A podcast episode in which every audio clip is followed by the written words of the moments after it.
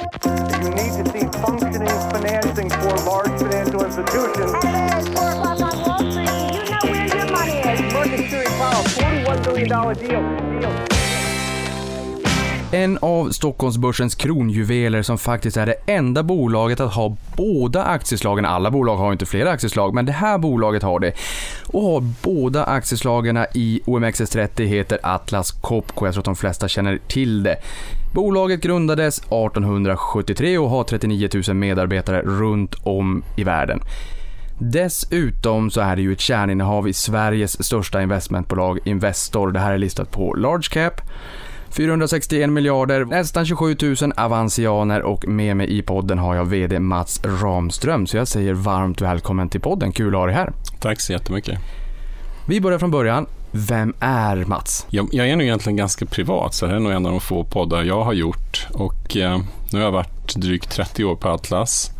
Och eh, jag skulle säga att jag har drivits hela tiden av en nyfikenhet.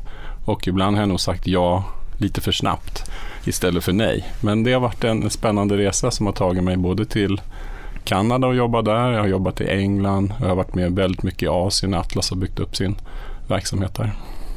Ja, men det är jätteroligt att du kommer hit idag och att du faktiskt är med i den här podden också. För att det är ju ändå, ni är ett jättestort bolag i Sverige, jag tror att de flesta aktiespararna känner till er. Ibland kan jag vara lite elak och säga att bolagen i OMXS30 är PRO-ligan och 1850 och 1900 och de bolagen kanske inte kommer växa lika snabbt eh, framåt. Ni investerar mycket i forskning och utveckling och det här kommer vi komma in på under podden. Jag kanske får käka upp det jag har sagt tidigare. Jag tycker det är jättekul att du är här så att vi får lära känna bolaget mer. För som sagt, många eh, känner till er, eh, till namnet och vet ungefär vad ni gör. Men kanske inte riktigt helt och hållet. Hur kommer det sig att du blev VD för Atlas? Nej, men det är väl ett av missförstånden att Atlas är just kanske då ett eh, industribolag. Men det är ju mycket, mycket teknologi. Ehm, och varför blev jag VD? Atlas har haft ett tänk under alla år där man har kunnat gjort en intern karriär. Det finns en intern arbetsmarknad. Man får ett uppdrag någonstans. Eh, levererar man bra där så finns det möjlighet att söka sig vidare. Och det är det jag har gjort. Jag har gjort tre till fem år på olika jobb under alla de här åren. Så det känns inte 30 år känns inte som en lång tid för mig. Men det har varit ett utmärkt sätt att få fram de människorna som har en egen drivkraft och en egen passion för att, för att ta de här chanserna i livet och, och göra någonting annorlunda. Och jag har väl varit en av de som har sagt ja och sen har tyckt att det var väldigt, väldigt spännande hela tiden. Det är också lite intressant för när jag tog fram materialet till den här podden så kollade jag årsredovisningen från 1987 när jag föddes. Då är det rätt härligt att veta att ungefär där, några år senare, så kom du in i bolaget. Det var en fin årsredovisning, den är finare idag. Men det, var, det är nostalgiskt, eller var nostalgiskt att se. Och här måste jag också bara säga, det är ju fantastiskt mycket material på er sajt. Mm. Dels årsredovisningar 100 år tillbaka, mycket videoklipp, reklaminslag från 50 och 60-talet och lite annorlunda typer av inslag än vad det är idag. Så att det, jag kan verkligen varmt rekommendera dig som, som lyssnar på podden att det här är någon form av finansiell allmänbildning. Så att in och kika för det var väldigt spännande. Men jag måste också fundera lite grann här, eh, eller fundera, men fråga för att ni har ju närvaro i större delen av Eh, de flesta kontinenterna. Du har ju varit 30 år på bolaget, men vad har du tagit med dig för erfarenheter med dina olika uppdrag? För jag menar, du har ju sett eh, andra delar av världen. Det här måste ju ha gett dig en stor portion insikt och reflektioner som du tar vidare till, till vd-posten. Jag ska börja med det här med 1873 och det är givetvis så att vi är stolta för att ha en gedigen historia. Eh, men det som vi kanske är än mer stolta på bolaget det är väl att vi hela tiden utmanar oss själva att göra någonting annorlunda. Så man brukar säga ibland att man ska inte ändra på ett vinnande lag, men jag tror att det försöker vi göra hela tiden. Och givetvis då med mig och många kollegor och erfarenhetsmässigt så jag tror min första utlandsflytt det var ett stort steg. För man var lite uppfostrad i det svenska och hur man gör saker här. Kommer till Kanada, vi bodde i Toronto och så får man läsa att de lyckas precis lika bra fast de gör det lite på ett annorlunda sätt och få det perspektivet från olika kulturer och länder. Och jag måste säga att vi har en stolthet i bolaget att ha väldigt många olika kulturer, väldigt olika många människor från olika delar av världen som jobbar i agila team runt om i världen. Och det ser vi som en otrolig styrka.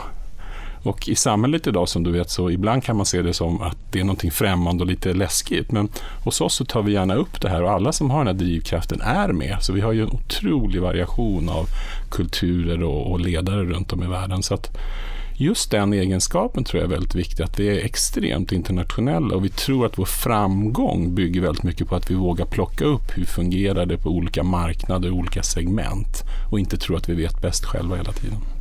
Nej, det där kan ju vara lite grann, vi kan ju kanske när vi rannsakar oss själva, vi svenskar, inse att vi ibland tror att vi kan saker och ting bäst och sen när man beger sig ut i världen så inser man att det kanske inte är så alltid. Men Atlas Copco, vad gör ni för någonting? Om man, om man försöker summera det så brukar jag tänka på att vi försöker hela tiden ha ett extremt fokus på att skapa värde för våra kunder. Och Det kanske är någonting som repeteras av många, men vi, vi börjar väldigt, väldigt tidigt i utvecklingsprocessen. Vi kanske gör en prototyp och sen ifrågasätter vi hur, hur skapar den här värde för kund och hur mycket bättre den är den konkurrenterna. Klarar man inte de två frågorna då får man liksom gå tillbaka igen och börja om sin process. För vi vet att det tar två till tre år innan du har den nya produkten framme. Och när du står där som säljare framför kund, då måste de här värdeskapande egenskaperna vara väldigt, väldigt tydliga. Det är liksom det som gör att bolaget står sig år efter år efter år. För då har man liksom förtjänat sin framgång genom någonting väldigt, väldigt bra då, i produkter eller en process eller en service. Uppskattar kunderna så har de en tendens att komma tillbaka hela tiden till oss. Och missar man det och blir lite mer ett marknadsbolag när man talar om hur duktiga man är men kanske inte levererar på det då har man liksom inte riktigt den hållbarheten över tid. Så för oss är den processen, det här värdeskapande för kund och det blir givetvis resultat för aktieägarna över tid. Men att hela tiden fortsätta att fokusera på det har vi trott och tror fortfarande är extremt viktigt. Men är det rättvist att säga att ni positionerar in er i premiumsegmentet bland era produkter? Inte kanske premium behöver det inte alltid vara, men vi tycker att vår produkt ska ha en väldigt tydlig värdeskapande eh, process för om den inte är så viktig för kund, då kommer också lönsamheten att se annorlunda ut. Så att vi vill att produkten ska vara viktig för processen. Och, och, gärna vår produkt behöver inte vara en stor del av en process, men att det är en viktig del av en process. Då vet vi att kunderna kommer till oss, engineering kommer till oss och vill prata om okay, hur gör man det här på bästa sätt. Och vi jobbar extremt nära många kunder när vi utvecklar nya produkter. Så det är inte så att de finansierar det, men de är väldigt med och tycker att så här ska vi ha nästa generations produktionslinjer se ut på det här sättet. Så att det är väldigt integrerat med de här stora kunderna och vi har ju fördelen av att få jobba med av de största kunderna i världen. Och vi kommer att komma in på era fyra affärsområden, men jag tänker att ni jobbar väldigt nära kund, Ehm, men är det så att ni tar fram vissa produkter enkomt för just vad den här kunden har för behov eller, eller är det mer att det kan vara en kund i en viss bransch där vi tar fram en produkt som kan gynna hela branschen och sen så eh, kan man skala ut den här produkten till väldigt många kunder eller är det verkligen att den här produkten passar precis för det behovet för en enskild, möjligtvis stor, men enskild kund? Det finns nog lite av båda delarna, men de flesta är mer att om du går till kund så tittar vi på en process som säkert repeteras hos deras konkurrenter också. Vi utvecklar någonting och lär oss att det här är det bästa sättet att göra det på och sen ska det vara en skalbarhet i det vi gör. Eh, och desto bättre skalbarhet vi har, desto bättre lönsamhet brukar det vara över tid också. Ni är ju en decentraliserad organisation med fyra affärsområden och ett stort antal underliggande divisioner. Men låt oss börja med affärsområdena. Kompressorteknik, vakuumteknik, industriteknik och energiteknik. Kan du berätta lite mer om vart och ett av de här? Ja, kompressorteknik är störst. Eh, de har sin bas i Belgien. Ehm, kompressorer finns i princip i alla industriella processer. Eh, om man ska forsla vatten och rena vatten, om man ska jobba med medicin eller mat eller industriella applikationer. Så det som har varit kännetecknet för dem är att de klarar upp och nedgångar i finansiella eh, upp och nedgångar för att de hela tiden har en, sån, en spread när det gäller både geografiskt och segment och sen har de en väldigt stark servicesida. Då. Så det är lite kompressorteknik för oss. Eh, vakuumteknik som är näst störst. Eh, de lägger sig väldigt mycket mot eh, halvledarindustrin. Eh, och det är ju, vi har ju gått in i det här de senaste åren och vi har sett en otrolig utveckling av halvledare, minne, eh, processorer, fåtal kunder runt om i världen. Men sen gör de också industriellt vakuum, till matförpackningar till exempel. Då. Eh, och sen jobbar de också med servicen. Då. Så det är lite vakuum och de har sin, eh, sitt huvudkontor kan man säga i England. Sen har du industriteknik som är en stor del av försäljningen går till bilindustri, fordonsindustri. Väldigt spännande just nu när man går från fossila bränslen till el och batterier. Eh, så den processen är vi mitt inne i. Ehm, och de har sin bas här i Stockholm. Och det sista är energiteknik som gör mycket av de portabla generatorerna, portabla kompressorerna som man ofta ser på byggen runt om i världen. Men, jag tänker det här vakuumet i vardagen. Jag har börjat spela lite paddel, jag måste komma i form. Det är kul förvisso. Mm. Om man köper paddelbollar så hör man lite ett litet pop, ett litet vakuum där. Småbarnsmat, mjölkersättning, det hör man också där vakuumet, matburkar eller vad det kan tänkas vara. Är ni med där också, liksom i deras produktionsprocesser med era kompressorer? Att, jag menar, vi har ju lite vakuum lite här och var, även bland ganska eh, menar, produkter som finns i, i min vardag ganska nära. Du ser våra, eh, vi är inblandade i nästan alla produkter och det exempel som jag brukar använda det kanske är en mobiltelefon för det har de flesta med sig. Eh, skärmen som man har idag tillverkas under vakuum. Eh, du ofta har du skruvar i, där har vi då skruvdragarna. Eh, sen har du minne och processorer eh, som görs också under vakuum då, bland de här stora företagen som Samsung och Intel till exempel. Då. Men divisionerna då? För även om det då är fyra affärsområden, det är väldigt många divisioner och när ni liksom, när det kliar i köpfingrarna på er så när ni, ah, det där bolaget ser jätteintressant ut. Vi kommer komma in på i alla fall två av de bolagen ni har förvärvat i år. Ehm, då går de förmodligen då in i ett av de här fyra affärsområdena. De jag höll på att säga att de kanske är ganska statiska, det kan du bättre än mig. Men det är fler divisioner än affärsområden i alla fall. Mm. Berätta lite mer om de här underliggande divisionerna. Vad är det som gör att man blir en egen division? Man kan tänka sig att varje division är som ett eget företag. De har allt från utveckling till tillverkning. Och det är väl den sammanhanget, det är något kundsegment eller en produktrange som gör att de liksom hänger ihop. Då.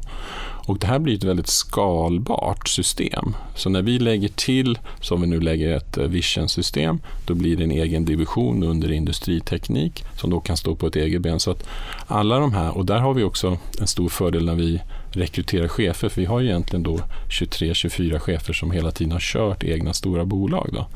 Eh, så det är tanken. Och 97 procent av alla som jobbar i Atlas jobbar i linjen, jobbar ner. Så vi har ett väldigt tajt huvudkontor. Vi vill ha folk i linjen som förstår hur kunderna tänker, hur de jobbar. Så att, att vara divisionschef är nog det coolaste jobbet på Atlas Copco coolaste jobbet på Atlas Copco. Det låter spännande för vi kommer också komma in på affärsmodellen är ju också kapitallätt. Mm. Men uppenbarligen boots on the ground och folk har koll på vad som skapar värde. Det kanske också är en del av den eh, framgångssagan som ni faktiskt är, får man ju säga. Men de här affärsområdena, om vi backar bak till dem, mm. bort, från eller bort upp från divisionerna upp till affärsområdesnivå. Vilket är störst? Vilket växer snabbast? Vilket är lönsammast? Eh, kompressorteknik är störst. Eh, det är cirka 47 procent av, av hela Atlas Copco. Eh, I genererade pengar så är de också störst. Eh, mäter du relativa tal så ska man väl säga att det är nästan jämnt skägg mellan kompressorteknik och vakuumteknik. Vakuumtekniken är ju en viktig del i värdekedjan för att framställa de här halvledarna, mm. semiconductors, som behövs i all elektronik mig veterligen. Eh, det är väl de som är med och skapar ettor och nollor eh, och rimligtvis så bör ju efterfrågan explodera i samband med ökad datamängd, 5G, hyperscale data centers, cloud gaming, autonoma fordon, internet of things, det är ju några buzzwords men likväl intressant även om det är buzzwords såklart. Hur är ni med och, kapitalisera på den här trenden? Och du sa att det här är några år gammalt, vi gick in i det här området. Uppenbarligen så var det helt rätt. Mm. Men vad var det som gjorde att ni kände att det där, det där kommer bli riktigt intressant?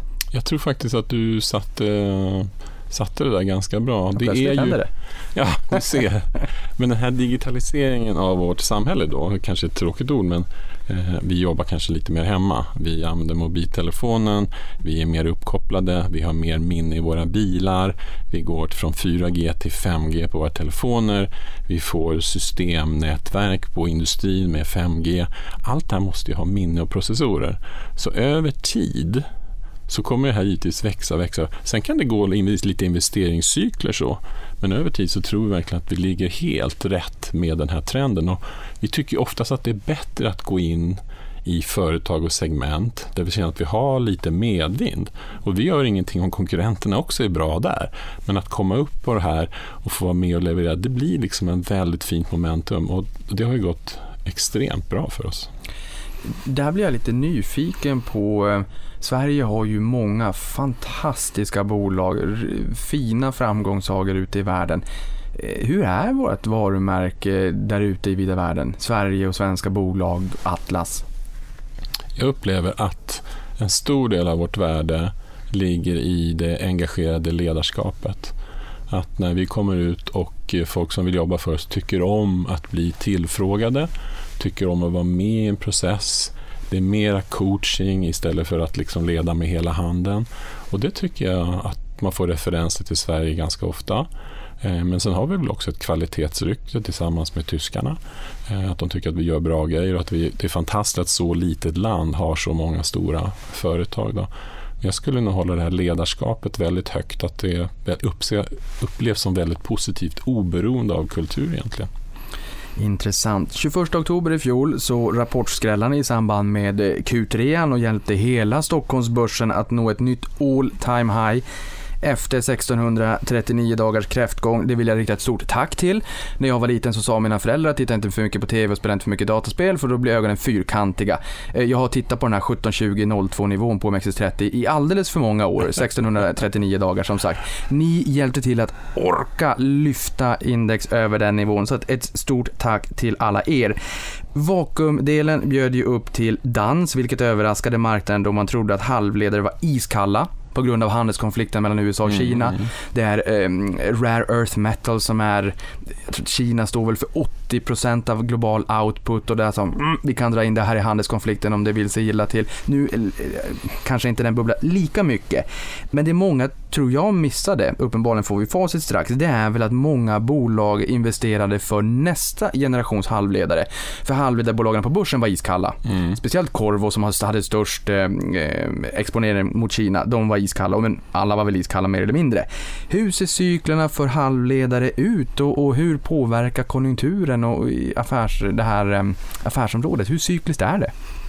Man, man kan börja med att säga att det är nog inte mer än 25-30 kunder du behöver följa i, i vårt fall. Så det är verkligen en key account-struktur. Och många av de här bolagen är ju väldigt lönsamma.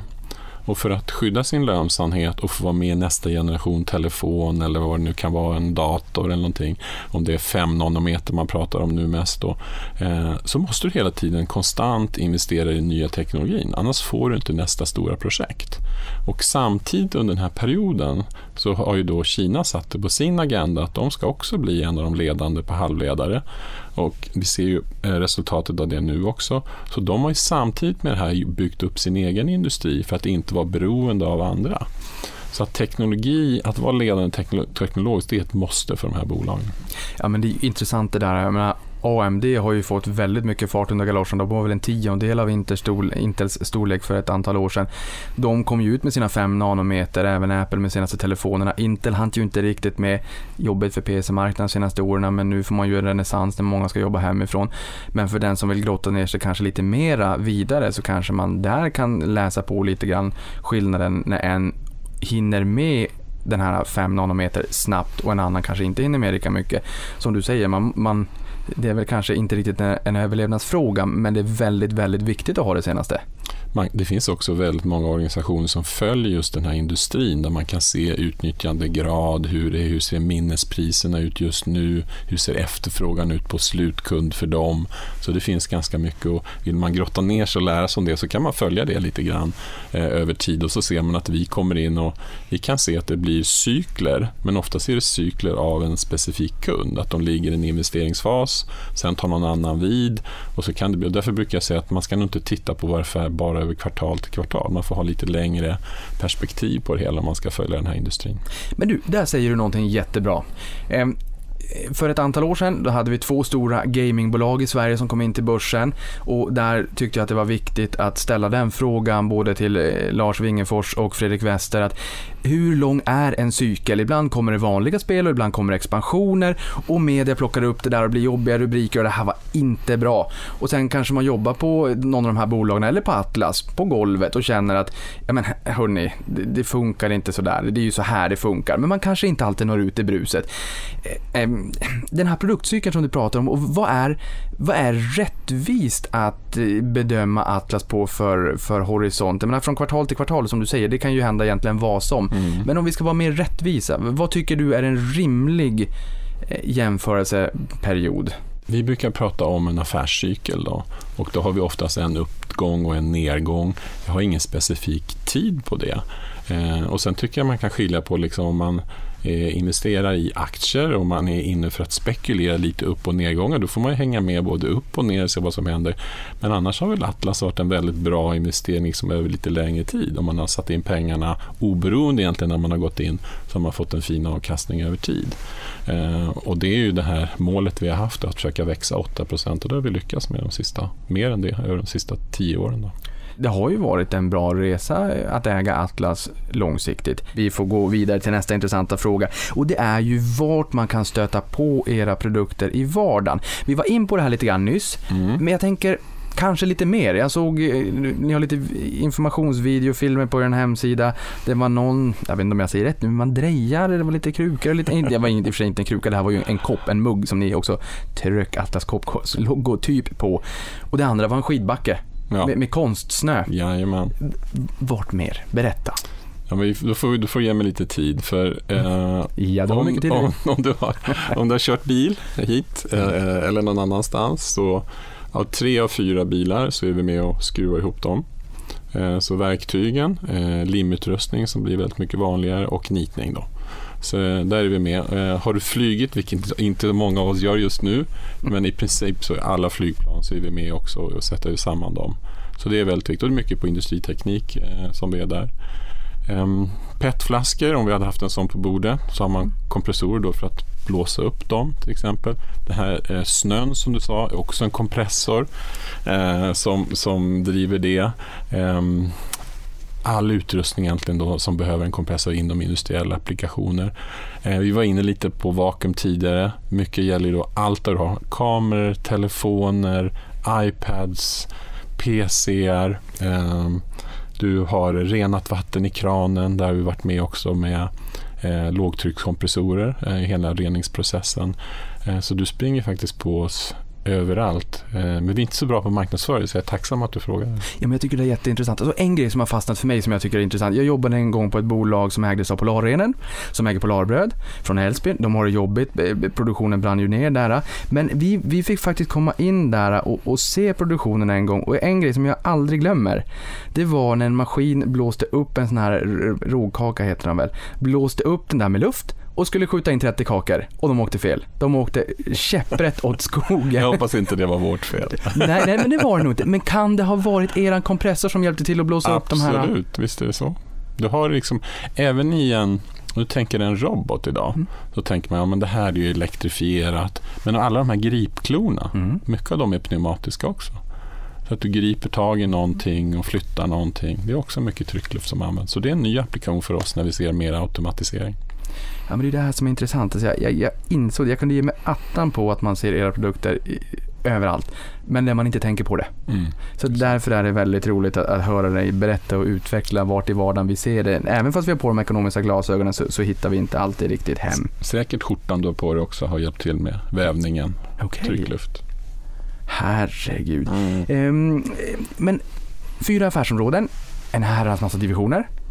Skulle det kunna bli fler? Absolut. Ehm, systemet är eh, riggat för att kunna eh, koppla på eh, nya divisioner hela tiden vartefter och det har blivit ett antal under mina fyra år nu. Ehm, så att det kan vi absolut tänka oss. Och vi sitter hela tiden och utvärderar hur vi ska nå nästa tillväxtpotential. Vart finns den? Är det organiskt? Är det via företagsköp? Är det en egen division eller får man liksom vara en del av någonting annat tills man växer sig stor och sen kanske blir tillräckligt stor för att vara en, en division. Så um, systemet är faktiskt ganska briljant för att utväxla nya utan att liksom växa ur den kostym som vi har. Men, men hur går det till då? För alltså, du, du sa att ni har ganska liten overhead. De Mm. flesta kollegorna är ute på golvet. Det, det absolut häftigaste jobbet det är Mm. liksom att jobba inom divisionerna, divisionschefer och kollegor där. De har ju bra koll också kanske på konkurrenter och vart man är stark och vart man kanske börjar bli lite svagare eller vilka områden som trendar lite grann som man känner att här skulle vi vilja stärka upp så att säga.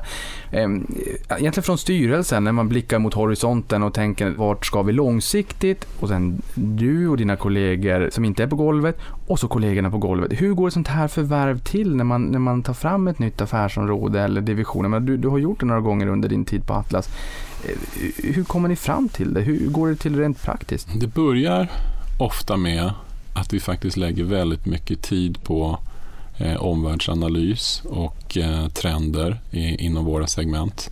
Hur förändras det? Hur kommer nästa generation plan att byggas? Eller nästa generation bilar till exempel. Eh, när vi ser det och har en bättre förståelse så brukar vi faktiskt vara ute hos kunder och göra djupintervjuer med dem. Verkligen förstå. Och, säga, och då, de brukar alltid vara tveksamma till att träffa oss först för de tänker att vi ska sälja någonting. Men när vi då kommer dit och säger så här, men vi är väldigt intresserade av hur ni ska liksom göra nästa generation av produkt. Då får vi stanna hur länge som helst. Och då brukar vi liksom lista saker och vad är det som de säger, men vad är det egentligen som är viktigt? Eh, ett materialförändring då? Till exempel med från fossila bilar till el till exempel, så börjar man bygga lättare bilar. Eh, då kom vi in på den här med limteknologi. Vi hade ju skruv och mutter tidigare. Nu såg vi att ja, men det här är någonting. Och så gick vi in i det. Men inte nog med det, utan vi, när vi då har identifierat det här segmentet och säger att okay, det här kommer nog växa väldigt bra. Sen brukar vi matcha det mot vad vi är bra på. För vi är inte bra på allting. Och säger vi det, är det en commodity, men är det någonting som är unikt för kunden? Är det någonting som vi kan syssla med? Finns det en intressant serviceaffär där? Eh, kan vi vara en av de ledande bolagen inom ett antal år? Och då har vi hittat en fin matchning så att man ska säga hitraten för oss med de företagsköp vi har gjort är extremt hög. För att vi lägger ner så otroligt mycket jobb innan. Och vi gör det väldigt sällan med konsulter, utan vi gör det oftast med vår egen personal. Vi drar ihop ett team av kunniga ingenjörer som då liksom kan riktigt förstå teknologin och sen översätter vi det i finansiella termer sen och sen går vi in i någonting. Så att det ligger väldigt mycket jobb bakom det och väldigt mycket talang bakom det. Att man lägger ner tid att förstå och ta sig tid med kunderna att förstå vad som, vad som verkligen händer. Inte det som man kanske, inte de trender som man läser om i tidningen. Då är man lite för sen på det ofta. Ja, men det här är oerhört intressant med tanke på att ni, ni jobbar så nära kund, ni får en djup förståelse och inte jobbar så mycket med konsulter utan med egen personal. För jag, jag älskar ju ränta på ränta-effekten. Även fast jag har svårt att förstå hur kraftfull den egentligen Ja. är. Ja, men, och det är kanske värt att påminna i sura tider som kanske är lite grann på börsen nu när vi spelar in det här avsnittet. Ja, inte jättesura, men men det liksom är- skakar till lite grann. Men här ser vi ju också en form av ränta på ränta-effekt fast i termer av humankapital uppenbarligen så trivs ju personalen på Atlas Copco väldigt bra. Mm. Man stannar länge. Mm. Jag tror att man kanske känner att man får uppskattning också när det inte kommer in konsulter utan man värdesätter den personalen och kompetensen som finns in-house. Jobbar nära kunden och sen som du säger här när ni tar fram någonting nytt så är det inte det man läser om i media. Det tycker jag är en bra takeaway från den här podden. Och det för mig osökt in på eh, eran decentraliserade organisationsstruktur. Mm. För den lyfts ju ofta fram som en styrka och framgångsfaktor. Kan inte du, jag- jag har skrivit håller du med, det, du, det, det förstår jag att du gör. Kan inte du berätta mer? Kan inte du utveckla, vad vad är det som ligger bakom den magin? Ja, men det är lite... Det är någonting som jag har lärt mig att förstå att det är mer och mer unikt än vad jag kunde tänka mig eftersom jag har jobbat så länge då. Och det börjar med att vi säger att du börjar hos oss. Eh, det kan nog vara lite tufft. Eh, för det första jobbet är ett riktigt jobb. Det är ingen som kommer riktigt hålla dig i handen. Eh, däremot så kommer alla vara väldigt behjälpliga när du efterfrågar. Det ser vi som ett tecken på mognad, att du faktiskt frågar hur, hur gör man det här? Och, och sen sätter du att du sätter det här uppdraget, ett tydligt uppdrag som är mätbart. Och då får du utmana mig och säga så här, men Mats, om det är så här att jag ska lyckas med det här nya marknadssegmentet eller den här nya produktrangen, då måste jag få den här kompetensen i min grupp eller jag måste få ha de här resurserna tillgängliga. Och tänk dig vilket ägandeskap du har sen när jag säger ja, du får det. Mm. Då vill, du- då vill du liksom leverera på det. Och eh, sen ska jag säga att vi är extremt duktiga på finansiell uppföljning. Det är extremt transparent. Så om du inte lyckas eller lyckas så kommer du liksom månadsvis få höra det och fråga men hur går det nu då? Är det bara att det är en fördröjningseffekt eller behöver vi göra någonting annorlunda? Och Det här skalas sen upp från att du har ett uppdrag till att du har en grupp, till att du har en division eller en GM för ett land. Men all den finansiella uppföljningen är extremt... Vi, vi konsoliderar någonstans mellan 500-600 profit and losser varje månad. Så det finns ingenstans att gömma sig på Atlas. Utan har man tagit sig an ett uppdrag, eh, då kommer du också få vara ansvarig för det. Men det är ju fantastiskt kul. Att du får liksom agera själv inom de här ramarna vi har satt upp och du får en snabb organisation. Eh, och det tror jag det är folk som att de trivs med. Det är ingen som är där och petar liksom i vad de gör exakt. Utan jag får agera, jag får göra fel, jag behöver inte göra fel två gånger på samma sätt. Och det är en otrolig styrka och den styrkan växlas upp nu eh, under corona. För vi har behövt ta mycket lokala beslut. Eh, det växlas också upp när man ska möta snabba asiatiska konkurrenter. Kan vi konkurrera på samma villkor? Kan vi vara så här snabba som de är? Eh, så jag tycker att den styrkan har växt hos oss. Och någonting som är, jag ska inte säga unikt, men i alla fall vi värdesätter väldigt mycket på Atlas att fortsätta på den inslagna vägen. Ja men det känns ju verkligen som att det är frihet under ansvar och eh, ett ord som man brukar använda är ju empowerment. Att man känner att man, man faktiskt får ett, ett ansvar och att man inte bara blir en kugge i ett enormt maskineri att det man gör inte, inte gör någon, någon skillnad. För då vill man göra lite extra. Då vill man göra mer än vad som förväntas av en för att man får det här jäklar anammat när man känner att eh, wow, här, här litar man faktiskt på mig och tror att vi, jag och mitt team kommer kunna skapa det här tillsammans. Och gör man inte det, som sagt, men jag det tror inte att det- sig. upp, ut, utmaningen är så intressant. Att få vara ett team som tar sig an en stor utmaning. Det kan nog vara väsentligt viktigare än finansiella incentives. Att det är faktiskt ett team som lyckas med någonting som man tror på själv. Men förutom det då, eh, företagskulturen, hur Mm. ser den ut? Mycket det vi har pratat om eh, präglas ju av ett stort ansvar för individen. Eh, vi jobbar mycket med värderingar. Eh, vi, vi kan säga sådana saker som att ja, men på Atlas så får man en förfrågan så gäller det att höra av sig och respondera väldigt snabbt på det. Inte när man har ett svar utan tala om att jag jobbar med det här eller vad, vad det nu kan vara för någonting. Vi brukar säga att vi vill inte lämna en kund, vi ska inte lämna några dåliga referenser i marknaden. Ibland gör vi fel, ibland gör kunden fel, men vi försöker alltid rätta till det så att vi har möjlighet att få nästa och nästa och nästa order. Ehm, så att det, det är mycket det här personliga, eh, det transparenta och eh, framgång hos oss, ehm, det mäts i, i finansiellt um, i slutet av sitt uppdrag så att säga. Eh, och det är vi väldigt tydliga med. Det är ingenting vi liksom sticker under stol med och alla vet att det är så. Um. Jag tänker, mm, trivs man på jobbet och man tycker att det är bra kultur, då stannar man länge. Ni har liksom den här, som jag sa, ränta på ränta-effekten på humankapitalet. Men det gäller ju inte bara på Atlas-sidan. Det gäller ju på kundsidan också.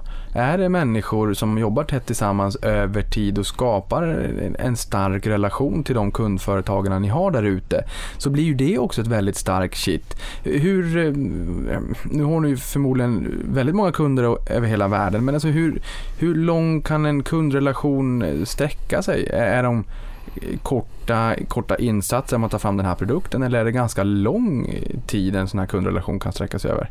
De är väldigt, väldigt eh, långa ehm, och vi skapar värde för dem på lång sikt. Ehm, och då kan man prata om att förut har jag alltid sagt att ja, men, de människor vi ställer framför kund är extremt viktigt. De måste ha en värdeskapande produkt. Men det vi också har lärt oss nu det är att liksom köpupplevelsen måste bli mycket bättre. Eh, och där utmanar vi oss själva nu att titta på konsumentbolag eh, som man då digitalt kan få så mycket information av. Det är så enkelt att göra affärer med dem. Och där kan man säga att de flesta industribolag ligger lite efter och så gör vi också. Så att där tittar vi på hur kundresan kan bli än bättre. Men jag tror att om du jobbar som kund och jag har hjälpt dig att fixa någonting så att du blir lite en champion hos dig. Så det klart att du bygger en viss eh, relation med oss som säger att ja, men för att bryta den relationen så måste någon komma in med ett väldigt mycket bättre erbjudande. Och då blir inte pris alltid det viktigaste. Eh, om man kan få saker och ting att fungera på ett bra sätt hos kunden. Mm. Hur ser den geografiska mixen ut då? Vi förstår att ni finns i stora delar av världen, men, men om vi ska bryta ner det, vart, eh, vart hittar vi er? När jag började så var vi väldigt Europatunga, vilket är då 32 år sedan. Um, idag är 37 procent av vår försäljning i Asien. Och vi har det här mantrat i, internt hos oss. Vi säger att man kan inte vara en global ledare om man inte är en ledare i Asien. Eh, man måste vara ledare i Kina och då måste man kunna utmana den speed och på det sätt som man, som man jobbar där. Eh, och sen är det då resterande mellan eh, Europa och eh, Amerikas. Då. Du sa att ni var in både på vart man då hittar i vardagen, både bilar och sådär, men, men även flyg, även om man inte flyger jättemycket nu. Vi har Airbus, tror jag, är, är världsledande nu i och med att Boeing har haft lite utmaningar. De har ju sagt att det skulle vara en jungfrufärd av ett elektrifierat flygplan under nästa år. Nu vet inte jag om så är fallet längre. Och man pratar lite grann om vätgas också, att det kanske blir mindre elektri elektrifierade flygplan i början. Jag vet inte om du kan kommentera det, men jag antar att ni i en sån situation också är med och hjälper kunderna och ser hur de kan förändra och hur ni kan hjälpa till vid en elektrifiering av en del av flygplansindustrin. Mycket av den resan som flygindustrin har gjort eh, har ju varit att gå från aluminium till kompositer för att få lättare och då få ner eh, förbrukningen av, av, CO2 egentligen. Då. Eh, och man kan ta om man, om man ska ta batteristeget så kommer det bli än mer viktigt att andra komponenter är ännu lättare eftersom att begränsning är ju batteriernas vikt och kapacitet egentligen, precis som vi ser i, i bilar. Så samma resa som man gör inom bilindustrin gör man också inom flygindustrin om man ska lyckas eh, med, med den elektrifieringen. Mm. Man brukar ju klassiskt kategorisera in er i finverkstad och peka på att rörelsemarginalen ofta är norr om 20 procent.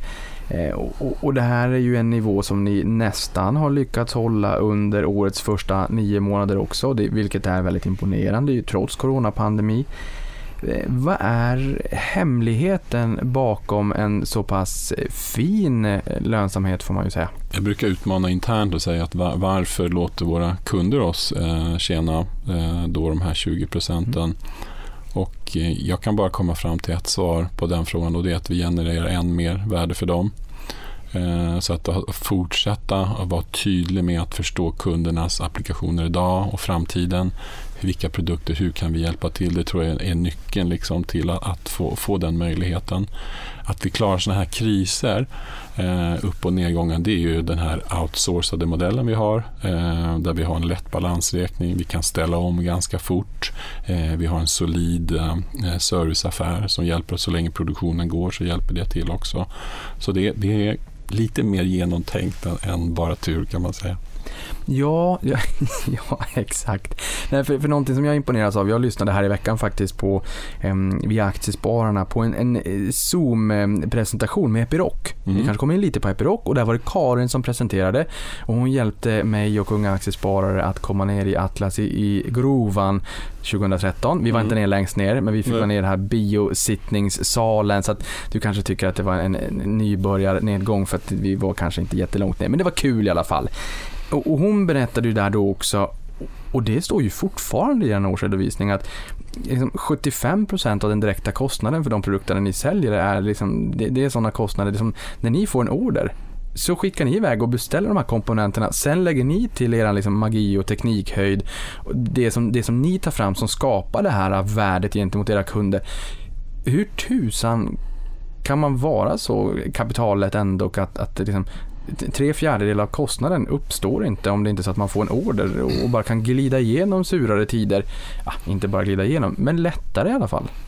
Jag tror man måste vara eh, utmanande mot sig, mot sig själv och våga titta på, på produkten och säga vilka komponenter i den här produkten är det som gör att vi vinner orden. Mm. Eh, och de andra eh, komponenterna, behöver vi göra dem själv eller kan vi faktiskt utnyttja att någon är bättre på det, gör större volymer. Eh, och vi har ju bestämt oss för det, men vi är extremt, vi designar allting själva. Eh, vi ser till att vi gör alla core-komponenter, vi skyddar IP på ett bra sätt. Men resten säger vi nej, det får någon annan göra. Och då gäller det att hitta extremt bra samarbete med dem också, för vi ska inte drabba kund i form av dåliga leveranstider eller så. Eh, så det är så vi gör, att vi vågar utmana och säga är det här verkligen en, en komponent man behöver göra själv och är det den komponenten som gör att vi kommer vinna den där ordern senare. Men de saker där vi är, är säkra på att det här är det, där vill vi verkligen se till att vi gör dem själva. Och sen ska man säga att vi gör nästan till 100% slutmonteringen själva och testar kvalitet. Så att vi skickar inte, det är inte så att vi håller på och sourcar och märker om och skickar vidare utan det är verkligen Atlas produkter som kommer från oss. Och vad är det ni liksom primärt hjälper kunderna med mest? Är det att sänka kostnader och göra det här på ett smartare sätt, mer effektivt sätt? Eller är det att öka produktivitet? Eller vad, vad liksom är fingret på, tummen på spiken eller vad man säger? Om du tänker att eh, vi kanske då, om jag använder exemplet på en bil då, eh, så det första är nog att se till att man inte har kvalitetsproblem. För det kostar mycket. Det kostar mycket och det måste alltid finansieras, det hamnar hos kund. Så allting då som gör att man säkerställer en bra och god kvalitet på sin premiumprodukt ofta, eh, det vill man ju verkligen ha koll på. Ehm, sen kommer ju ofta då att produktionskostnadsprocessen, kan vi göra den här processen bättre för kund eh, och hjälpa till med det så att de också får en lägre kostnad. Vi måste alltid driva för att de ska få en lägre kostnad, om det är en kvalitetskostnad eller en processkostnad till exempel, eller en servicekostnad. Då. Eh, Så helheten så måste kunden vinna hela tiden och det måste vara väldigt tydligt om, de, det värdeskapandet hela tiden. Ja, det är klart, det är, ju, det är ju kostsamt att både återkalla en produkt men även att det kan eh, skapa en viss skada på varumärket om man köper en Absolut. premiumprodukt som man känner att, "Ja, men hörni, här, det här Ja. var ju inte vad jag förväntade mig. Eh, affärsmodellen är ju som sagt kapitallätt och i fjol fördelades intäkterna på eh, 36% service och eftermarknad och 64% utrustning. Det här är 2019 då, årsredovisningen. Kan du berätta mer om de här två olika mm, huvudslagen? Ja, ehm, när vi tänker runt service eh, så tänker vi att man ska ge eh, kunderna upptid egentligen då, tillgänglighet på sin produkt. Eh, tänker man då att vi är i en process att tillverka då eh, Eh, minnen eller, eller sådana saker då. Eh, går då pumpen sönder, vakuumpumpen, så stannar man i en hel process. Eh, om man tänker sig en lina där man gör 50 bilar i timmen, går det här lilla verktyget sönder då, Eh, så stannar man ju också den processen. Så att även om vi då eh, från ett kapitalperspektiv är en ganska liten del av helheten, ofta under ett par procent, så blir vår produkt väldigt viktig. Eh, och då kan man tänka sig att ja, men då blir service väldigt viktig av de här produkterna. Så nu har vi varit duktiga på att vara hos kund och se till att vi liksom kan köra eh, serviceprogram då, så att det går bra. Och nu mer så kopplar vi upp mer och mer verktyg och mer och mer kompressorer så att vi ska också kunna vara preventiv då, och se till att ja, men vi kan till och med ta det till en nivå till så vi kan ge än bättre. Och det är klart att den tiden är ju väldigt värdefull för kund och då blir servicen också väldigt värdefull för kund. Ja, för det här tycker jag är intressant. Alltså i dess enklaste form med någon form av eh, telematik och jag vet inte om man kan använda det ordet kanske för det här exemplet då när maskinerna pratar med varandra. Det är, men det är väl om jag skriver ut lite papper på jobbet så börjar tonen ta slut så skickar det en signal och sen vips så finns det en ny ton Mm. när den tar slut. Mm. Men, men här är det här liksom när du säger ytterligare en nivå, Mm. ett sätt att kunna koppla upp era produkter, se när det kanske kan tänkas behöva service eller se när någonting börjar gå sönder, få ett felmeddelande, kunna prata med kunden och kunna vara där och laga det innan det går sönder och också ta, alltså så att jag antar att det blir en, mer lönsam affär för er också för att även här så sänker ni ju, eller till, till och med undviker dyra kostnader om en produktionslina står still. Exakt. Vi har idag 150 000 uppkopplade kompressorer ungefär. Eh, och vi är ju i processen att vi lär, är det, värme vi ska kolla upp sensorer för det? Är det vibrationer? Hur är kvaliteten på oljan? Eh, är det många on-off starter och stopp under natten? Eh, så oftast, vi har fyra analytiska center runt om oss. Vi har så här data scientists som jobbar för oss och liksom lär sig nu hela tiden hur ska vi titta på det här? Och även nu i början av en process, även om vi har hållit på några år, så kan vi också säga att vi kan bara proaktivt och ringa till kunden och säga att har du noterat under natten, det här ser ut som ett konstigt mönster, ska vi skicka ut en tekniker till er? Och de är ju otroligt tacksamma givetvis för att okej, det där kunde nästa skift kanske ha stannat då. Då kommer vi ut, kan göra analysen och säga nej men det var nog bara det här och så fixar vi det. Eh, och den tanken är ju väldigt, väldigt viktig. Och när man har fått ett sånt ett sånt kundmötande. Det är klart att kunden säger jag vill verkligen att ni kopplar upp nästa kompressor eller nästa generator eller vad det är för någonting också. Riktigt intressant.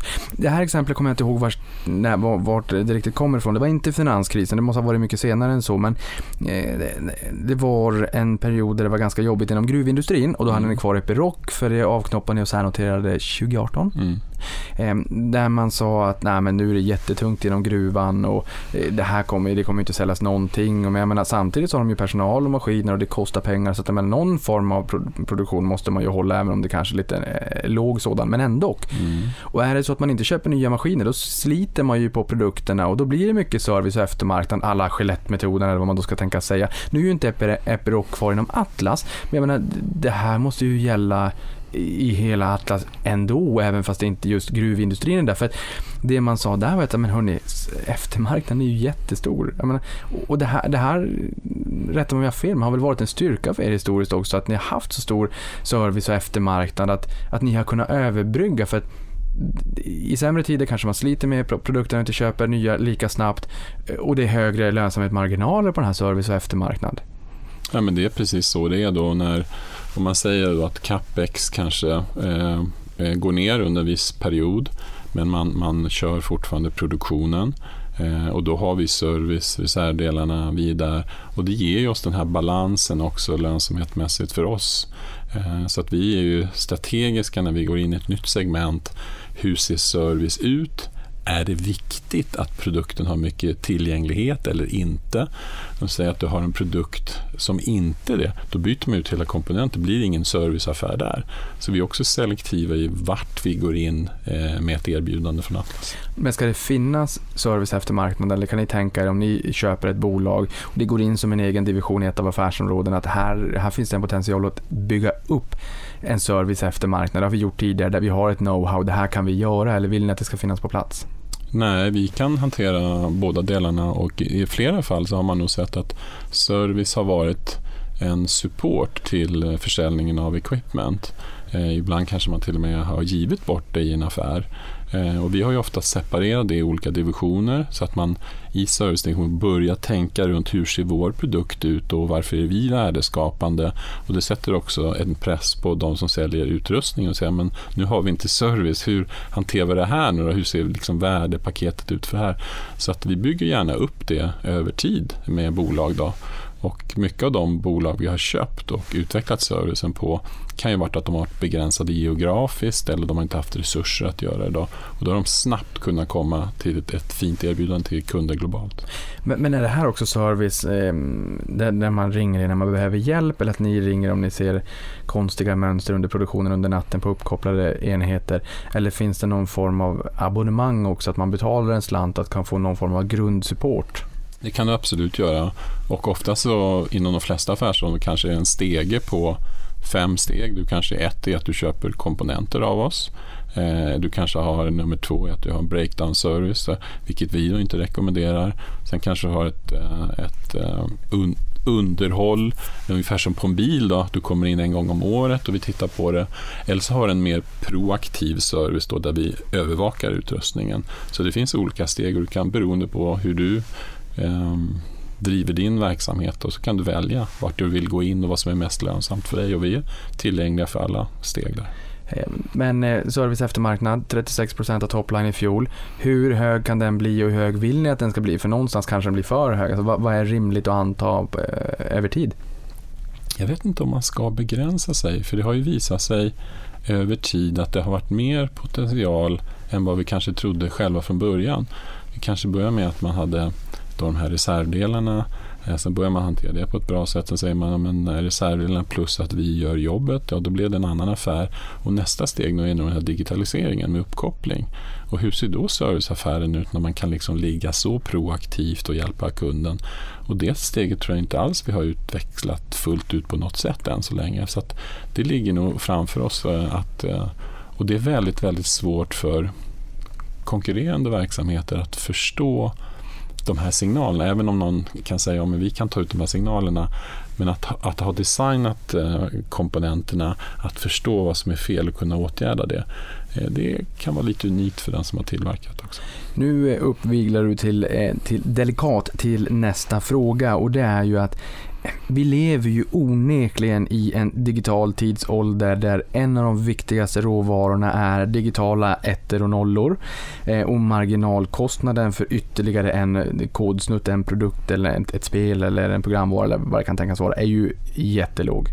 Eh, och ni är ju en viktig del i värdekedjan här via affärsområdet vakuumteknik men Säljer ni främst hårdvara eller erbjuder ni också kunderna mjukvarulösningar? För nu var vi inne här på att ni har enormt många enheter runt om i världen som är uppkopplade. Ni kan se när någonting blir fel, ni ringer upp till kunden, ni får eh, eftermarknadsservice och kunden uppskattar det här och man får en tajtare relation till Atlas.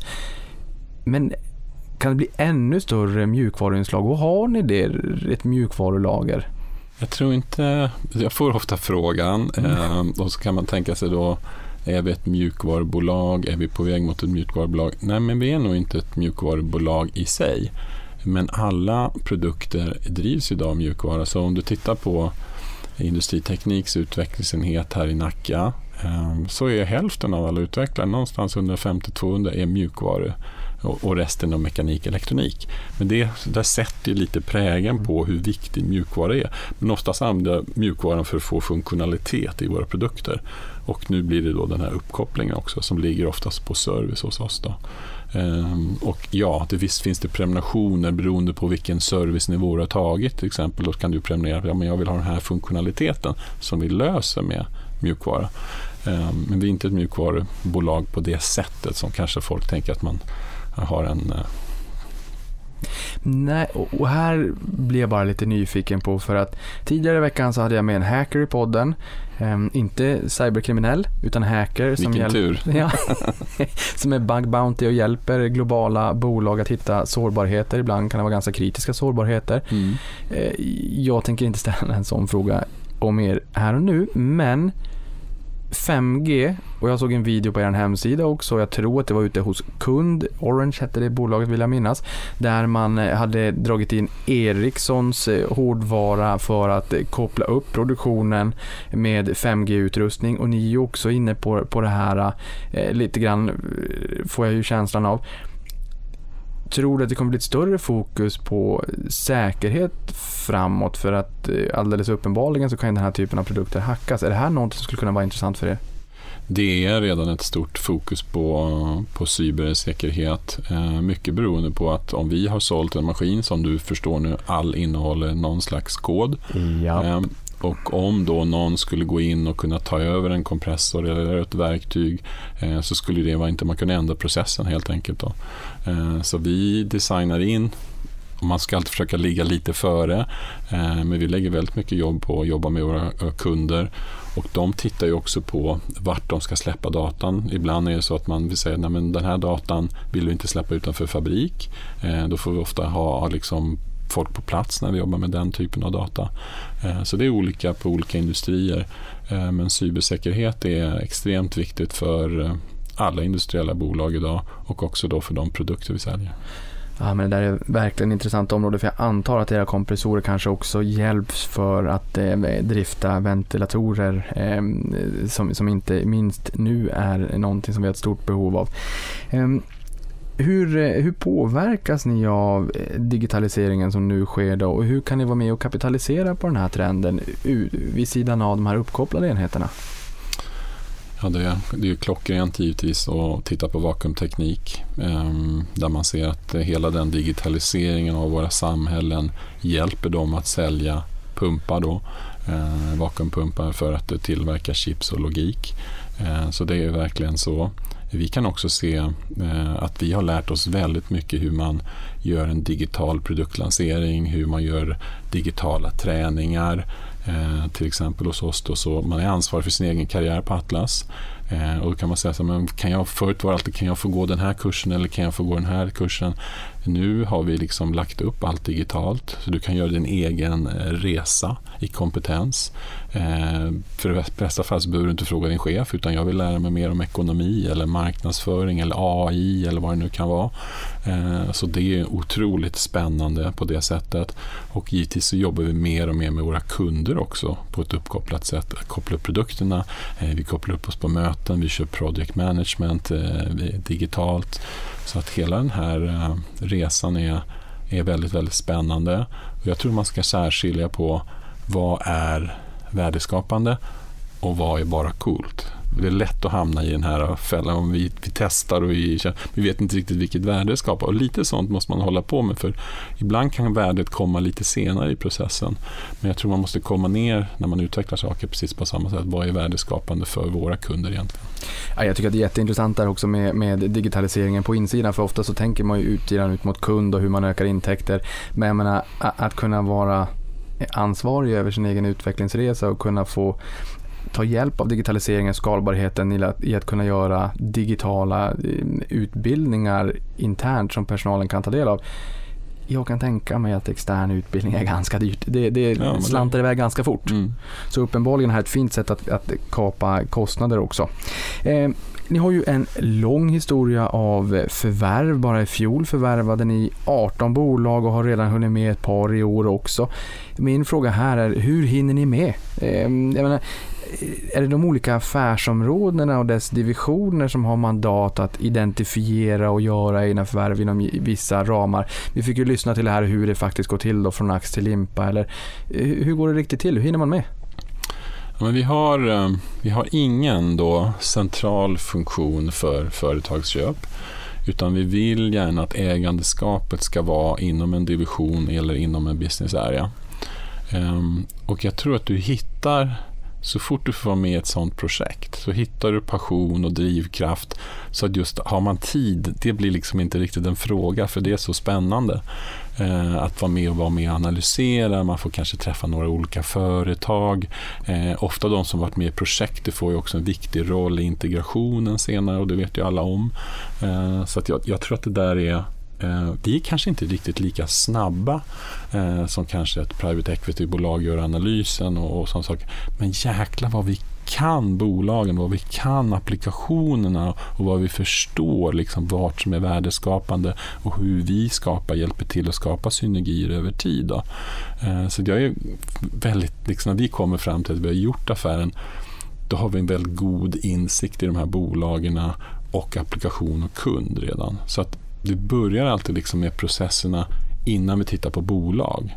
För börjar man med bolag så kan man bli lite försugen på att säga att det här skulle vi nog vilja göra och sen kanske man anpassar strategin efter det. Men vi börjar väldigt djupt i vad är vi bra på och eh, vad är de här bra på? Är det en god match? Och sen går vi vidare och tittar på eventuella kandidater för det vi vill göra där. Då. Eh, så jag tror tiden och det som du tog upp är det, jag tror att det är så pass kul och spännande så att det blir liksom inte riktigt issue utan man, man vill nog gärna vara med i de här teamen som tittar på. Och det är oftast då som de divisionscheferna sätter ihop ett team. Det kan vara cross business areas beroende på vad man behöver för kompetenser. Eh, vi samlar alltid ihop ett väldigt starkt eh, due diligence-team för att titta på helheten sen. Det kommer sen tillbaka till mig och säger så här, men vad var det vi trodde? Vad är det vi nu ser? Behöver vi göra någon förändring? Och sen lär man sig än mer sen när man tar ägandeskap av bolag. Jag har en fråga kring förvärvsstrategin också, men det känns som att vi ändå har varit in mycket på det och att det är mycket mjuka värden, ägandeskapet, att det är kul och intressant att få med i de här projekten och man ser att man får en viktig roll i integrationen och förvaltningen av det här senare också. Så det, det, är också ett viktigt sätt för, för kollegorna att kunna växa i organisationen Atlas. Ehm, är det någonting vi har lämnat ute kring förvärvsstrategin som är viktigt att, att ehm, skicka med till mina lyssnare? Eller har vi varit inne på mycket? Vi var inne lite tidigare också på det här med att hitta rätt. Och inte bara hitta rätt vad som är bra för andra utan vad som hittar rätt vad som är bra för oss. Då kommer vi tillbaka och säger, men finns det en intressant serviceaffär? Kan vi vara ett av de bästa bolagen i världen på det här? Eh, är, det är den här produkten viktig för kunden? Några av de här sakerna blir väldigt viktiga för liksom att kunna jobba med kunderna på, på ett bra sätt över tid. Eh, men vad är då viktigt för att eh, kunna integrera de här förvärven i Atlas-koncernen? Jag menar, vi vet att ni har en decentraliserad organisationsstruktur och att man får mycket ägandeskap kring det här. Och, eh, min lekmannamässiga eh, uppfattning är väl att det är ett vinnande koncept för många bolag som, som är duktiga på det här med, med decentralisering och att man, man, man skapar incitament och får känna det här ägandeskapet.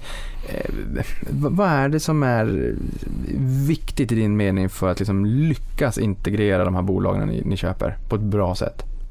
Ja, men jag tror att man måste trivas eh, med vår kultur. Eh, sen kan man säga att det enda som vi gör direkt, det är ändå den finansiella rapporteringen. För det ska liksom se ut transparent på, på samma sätt. Eh, men sen kan bolaget ha sina egna varumärken, de kanske har jobbat på ett annat sätt.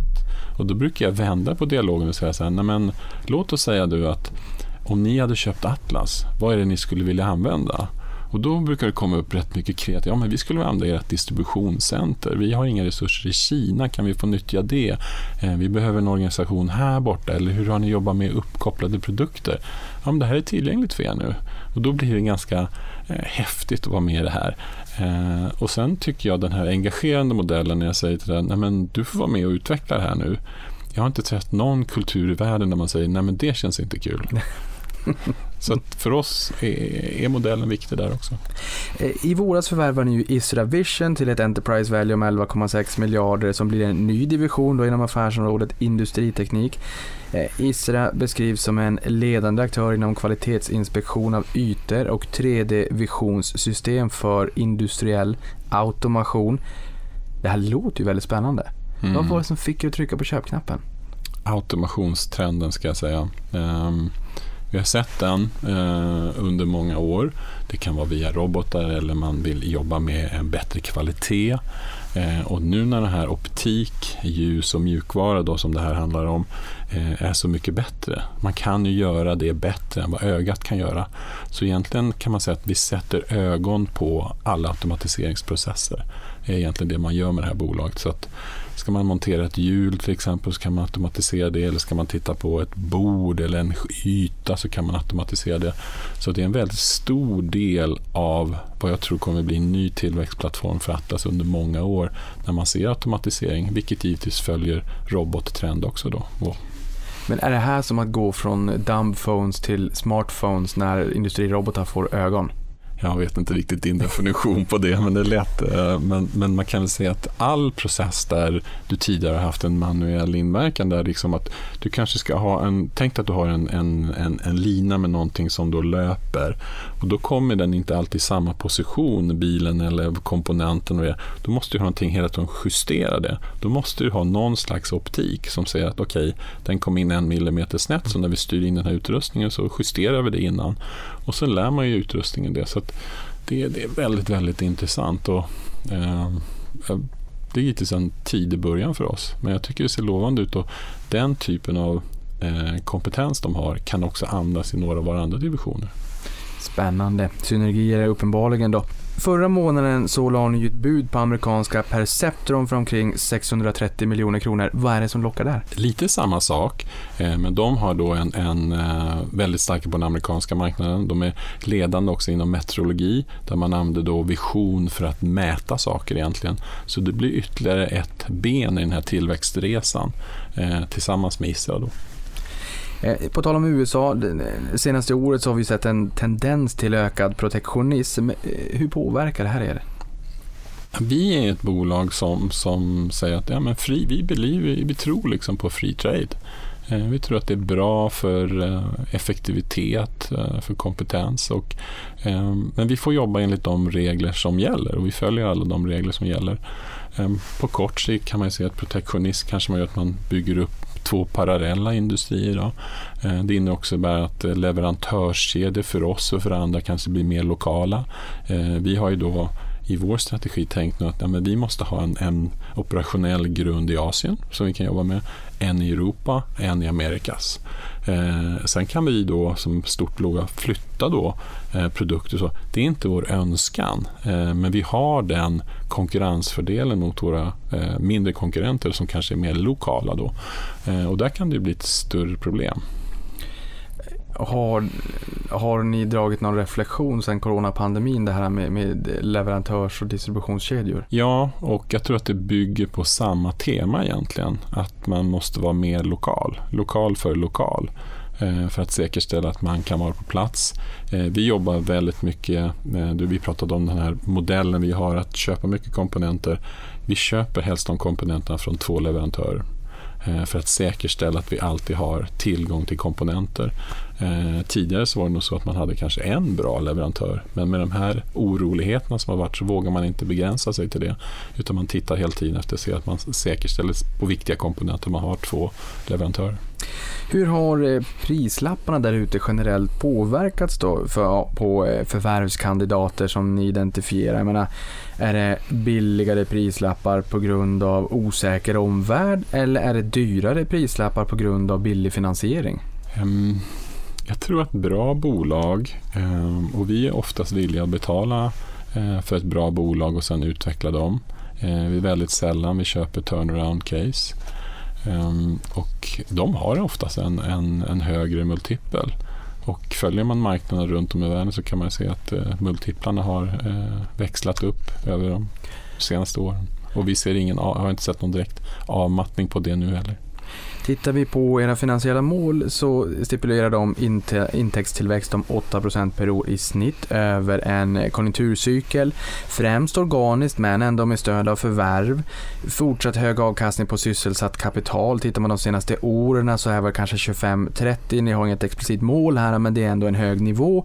Och sen utdelning om ungefär 50% av vinsten och nu här nyligen så föreslog ni också för en extra stämma att besluta om en andra utdelning på 3,50 här i höst och så blir det ju 7 kronor miljoner som ni hade som, eh, som mål här eh, för det här året. Så då har vi fått hela vår utdelning också. Varför just de här målen? 8% tillväxt. Vi har ju tre steg egentligen för våra divisioner. Antingen då så eh, jobbar man med stabilitet och säger att ja, men du måste få ordning på den här vägen. Vi måste kunna, vi måste kunna förutse vad som kommer hända. Eh, har man passerat att det är stabilt och säger vi, när du får jobba med din lönsamhet Eh, och jobbar med så och så men vi, vi tror inte på den här volymeffekten så mycket. Utan vi vill verkligen fixa lönsamheten innan vi skalar upp. Eh, har man då tal, fixat sin lönsamhet och säger ja, men nu har du en tillväxtstrategi. Och de flesta av de här divisionerna som vi har med något enstaka undantag så ligger de i en tillväxtfas. Och då säger vi att ja, men om vi sätter ett mål på 8 Eh, vilket som är väsentligt högre än GDP givetvis, så måste vi hela tiden se till att vi kommer med innovation som gör att kunderna kan byta och växla upp och sen måste vi komplettera då hela tiden med företagsköp. Så det är en utmaning för oss givetvis eh, eh också som är, som är väldigt det, är en väldigt spännande resa att få vara med på, för det kunde ju varit tvärtom. Eh, och utdelningen är egentligen att vi vill inte sitta och vara en bank. Eh, vi genererar, vi, vi genererar bra kassaflöde hela tiden och det har vi också löst med extra eh, utdelningar då, eh, som, som man kan följa. Då.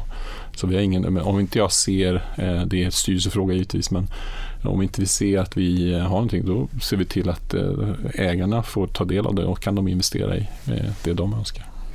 Ehm, och den här intäktstillväxten om 8% per år i snitt över en konjunkturcykel, som du säger, det är ju en bra bit över global BNP-tillväxt. Ehm, sen jag föddes 87 så har en omsättning stigit från 11,5 miljard till 103,7 miljarder i fjol och vinsten har gått från 592 miljoner kronor efter skatt till dagens 16,5 miljard. Samtidigt har en investering på 10 000 växt till 1,8 miljoner. Och då kan man ju fundera på vad var det där inflationsjusterat då? Ja, de där 10 000 vart 20 200 ungefär inflationsjusterat, den initiala investeringen. Det vill säga nästan 17 kagger eh, under den här perioden. Och ni har avknoppat och särnoterat Epiroc 2018. Det är ju inte minst sagt imponerande. Och, och vad är det vad är det som borgar för att ni kommer att nå det här pikanta målet. Och det, så det är bra att man sätter ett högt mål för man vill ju mm. känna det här jäklar anammat och att man gör det här tillsammans. Mm. Vad är det som främst kommer borga för att ni, att ni når det här målet långsiktigt? Jag tror du har täckt faktiskt mycket av de frågorna om man liksom summerar upp det. Eh, jag skulle hålla ett först, att vi kan attrahera bra eh, talang eh, som hela tiden då kan jobba med våra innovation eh, på produkterna. Där måste vi fortsätta och ligga väldigt, väldigt nära eh, våra kunder och de applikationer. Eh, det är viktigt för oss att vi aldrig blir arroganta. Det är ingen som köper produkter av Atlas för att vi är Atlas utan de köper produkter för att de ser det som det bästa erbjudandet. Så att vi måste hela tiden jobba med det. Eh, vi har en väldigt intressant resa under service och som vi sa, varför begränsa den? Den kan nog finnas mer. Och sen så ser du nu, om du tittar nu, så har vi lagt till ett antal nya tillväxtplattformar. Vision igen. vi har gjort investeringar i filter och det finns ett, en handfull andra saker vi gör också. Så att vi fortsätter att titta på vart är den globala marknaden på väg och sen att vi har den här enorma täckningen globalt är väldigt fördelaktigt för oss. Tiden går fort när man har roligt. Jag har några frågor kvar, men vi ska skynda lite snabbare och jag har en elefantig fråga här som vi kan skippa för den har vi fått svar på hur ni konkret skapar värde för kunderna. Men jag vill ändå bara bjuda på ett citat som ni hade på er sajt där och där sa ni att för oss handlar innovationer om att förstå hur vi skapar värde för kunderna. En produkt kan ha hur coola egenskaper som helst, men om den inte gör kundens produkter och processer billigare, säkrare, mer precisa eller energisnåla så är det bara ytterligare en produkt. Och jag tycker att det här sammanfatta lite grann den bilden du också har gett oss i podden. Och inte en innovation sa ni då i slutet, det är bara en produkt, inte en innovation. Och, ja, men lite grann det här, gneta på, skapa värde för kunderna och, och fötterna på jorden. Mm. Vilket jag tycker är väldigt kul, så då fick vi med det citatet också. Och ni har ju en utbildande filmserie på er hemsida där man får en bättre uppfattning om vad ni gör, den jag pratar om här i början av podden. Och i en av de här filmerna så säger ni att the core of our company is actually our innovation center. Kan, kan du utveckla det lite grann? Vad är det här innovation center, vad är det för någonting? De innovationscenter finns givetvis på eh, de här hubbarna vi pratar om, då, Belgien, England. Eh, men vi är också väldigt, väldigt nära kund. Eh, det där gäller att få in den här extrema talangen. Eh, de som kan tänka och jobba med kunden och säga vad är det här nästa steget? Och sen våga stå för den idén, eh, komma till oss och säga jag har den här idén. Eh, och då låter vi den personen eller teamet då säga vi provar den här idén. Och det är väl det vi tänker med att en idé väcker en innovation. Och sen får man liksom, ja men hur fort kan du bygga en prototyp? Kan vi testa det här? Jag tror att den här teorin håller. Det är inte alltid vi lyckas, men vi vågar testa. Vi vågar göra någonting nytt. Och vi vågar uppmana folk att komma till oss med de här nya idéerna. Och det är väl det som är liksom i innovation. För oftast är det ju alla jobbar inte med innovation utan det är ett fåtal personer som har den här begåvningen får jag väl säga då. Att, att verkligen se det här på ett annat sätt och kanske se det före kunden ser det till och med att okej, okay, men om ni är på väg dit, då kanske ni behöver det här. Eh, och där är vi duktiga och vi, vi gör det både verbalt men också att vi faktiskt gör med de här djupintervjuerna med kund och ser till att vi faktiskt triggar någonting som är tydligt värdeskapande. Eh, och, och därav blir, blir det ofta, ofta rätt. De här prototyperna är jag lite nyfiken på för att ni historiskt sett har jag förstått här att ni i ert utvecklingslabb så designar ni en prototyp inhouse. Sen beställer ni den externt tar 6 till 8 veckor. Sen kommer man upp till er kanske och, och, och, och, säger det här, vi har en idé, kan vi, kan vi få köra på det här? Nu använder ni istället 3D-printing. Eller additiv tillverkning som man kanske ibland kallar det också, så att ni kan få en prototyp på dagen. Hur, och det, jag vet inte om ni gör det här i alla center, det får du utveckla, men hur har det här påverkat er innovationskraft och hur jobbar ni med, med 3D-printing, additiv tillverkning överlag? Man kanske ska börja ta det, flytta upp den även med de här digitala twins som man säger så kan man ju testa mycket funktionalitet redan digitalt innan man beställer prototyp. Då. Eh, men absolut, vi använder mycket 3D-printing och det finns eh, på nästan alla ställen. Eh, och då kan man titta på form, kommer det här passa in, hur kommer det fungera? Eh, och sen tar man det där steg för steg men det gör ju det så att man får en effektivare utvecklingsprocess. Ja, jag tycker det är jätteintressant för att i, i, på, på börsen så är det inte, vi pratar inte så mycket om 3D-printing när vi, när vi tappade Arkan från börsen för då var det så här, äh, det där var nog bara en fluga, uppenbarligen en fluga om någon ville köpa ut dem men det är så här, no, men nu finns det inte längre.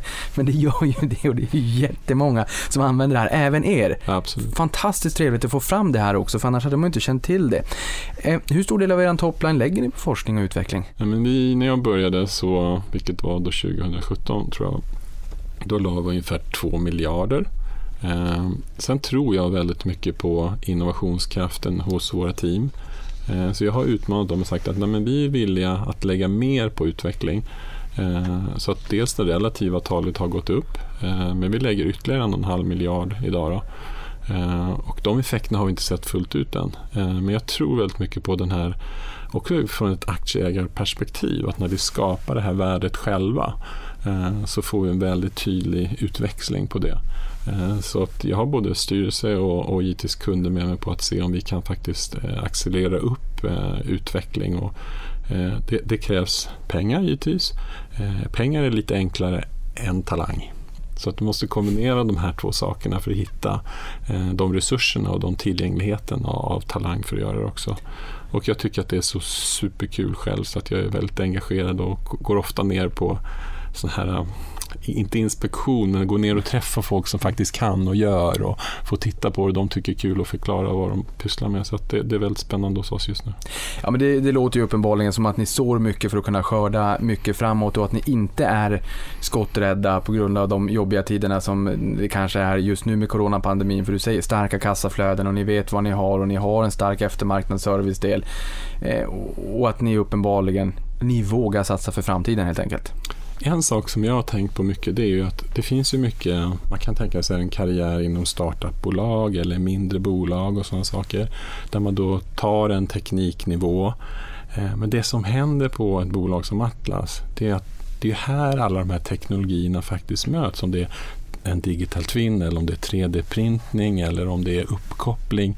Så att de som jobbar hos oss får ju faktiskt jobbas med de ja, de nyaste teknologierna med kundapplikation. Man tar det liksom från eh, fasen att man har utvecklat det till att nu ska det faktiskt bli verklighet.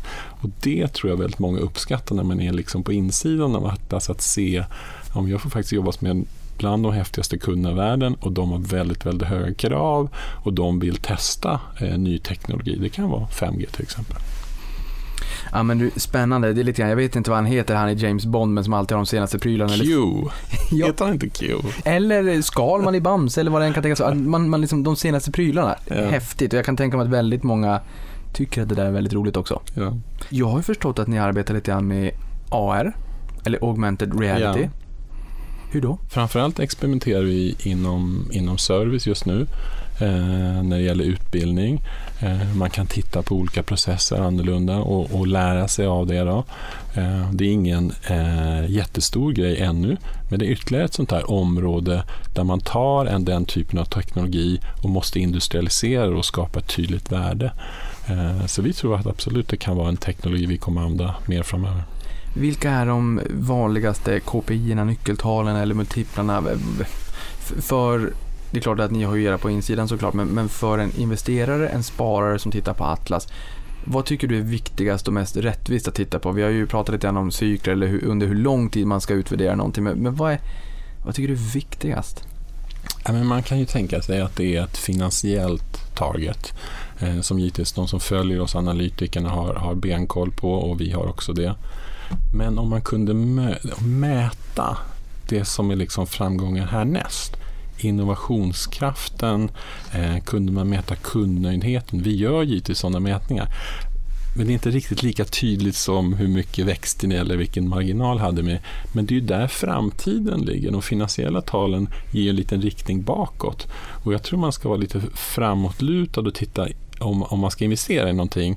Eh, ligger Atlas rätt teknologimässigt? Ligger vi på rätt marknader? Är vi på väg in i spännande teknologier? Då tror jag att det är där liksom det riktigt avgörs om man ska vara långsiktig i, i ett bolag. Ehm, Och jag måste ju också bara fråga hur, hur ni påverkades av coronapandemin och, och ehm, vad kände du? Hur gick dina tankar när det brakade loss där i februari och, och, och lampan släcktes vad gäller visibilitet? Nu är det i backspegeln, men ändå när du är här, jag måste ändå bara fråga. Men vi, men precis som alla andra, fick ju ställa sig inför det här och vad ska det bli?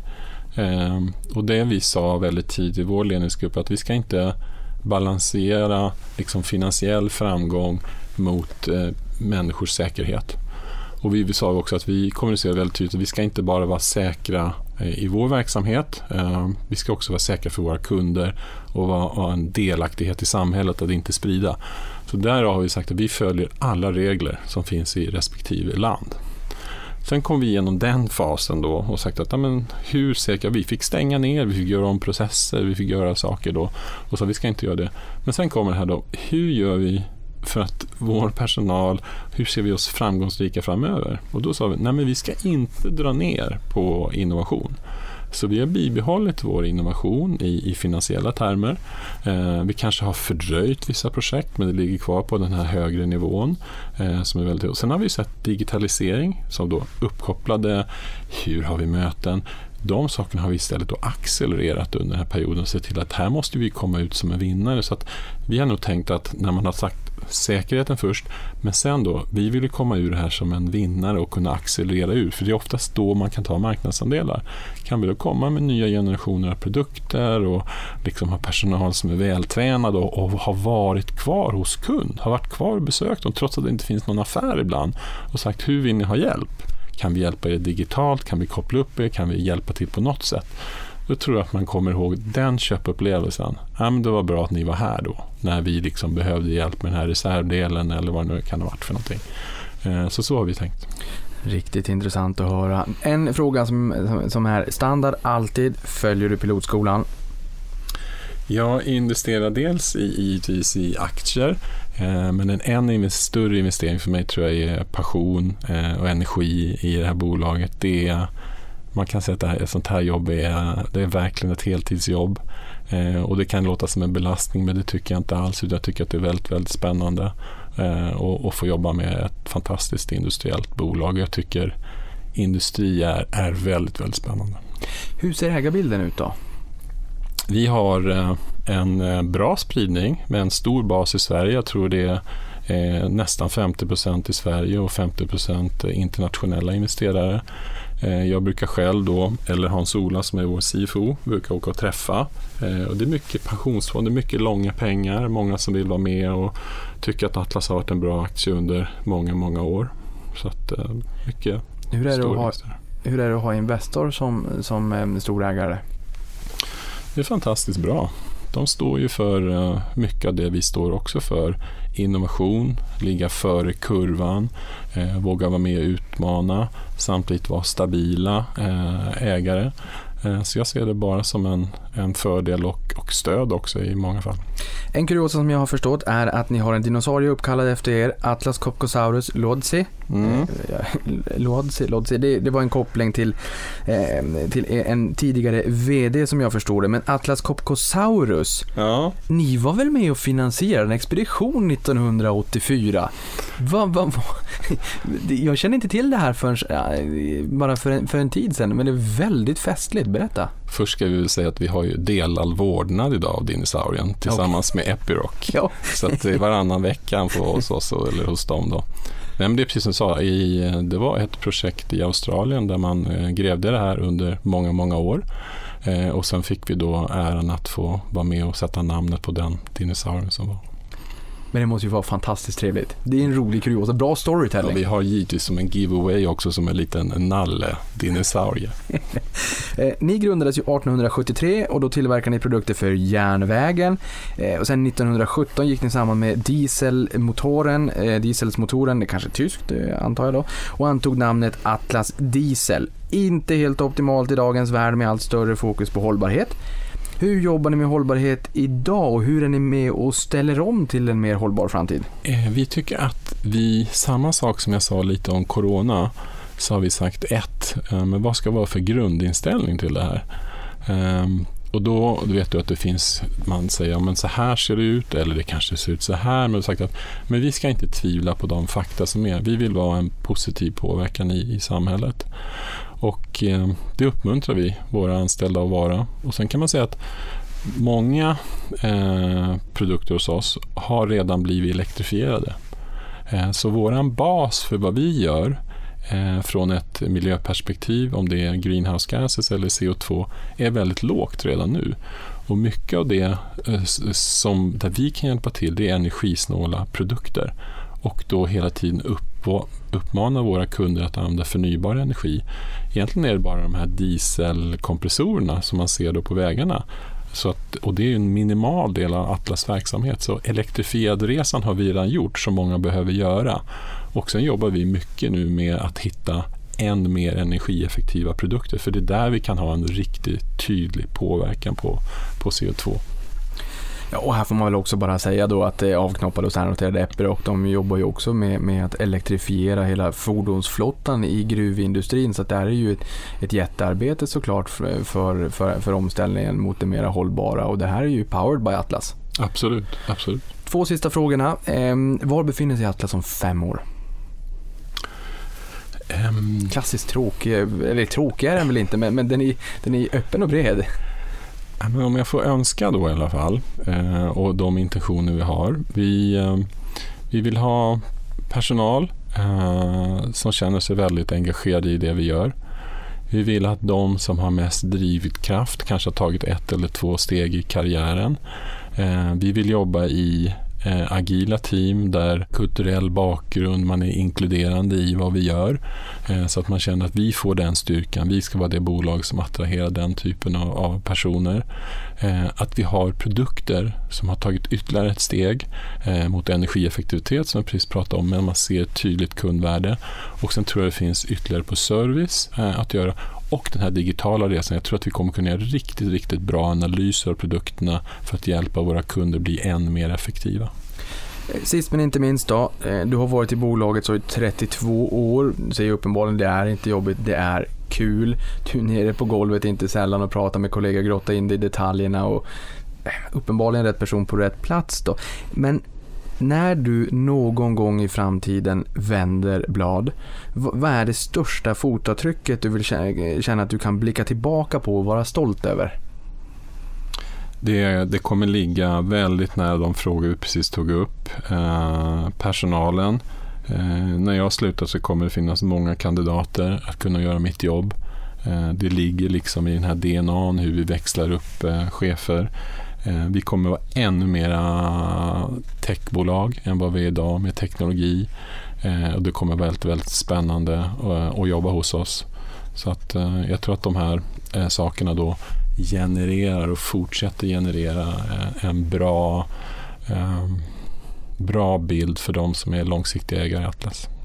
Mats, tusen tack för att du kom till podden och gjorde oss lite mera kloka och ja, ge oss lite större insikter kring denna kronjuvel Atlas Copco på Stockholmsbörsen. Tusen tack för att du kom hit. Tack så jättemycket. Och tack för att du lyssnade på det här.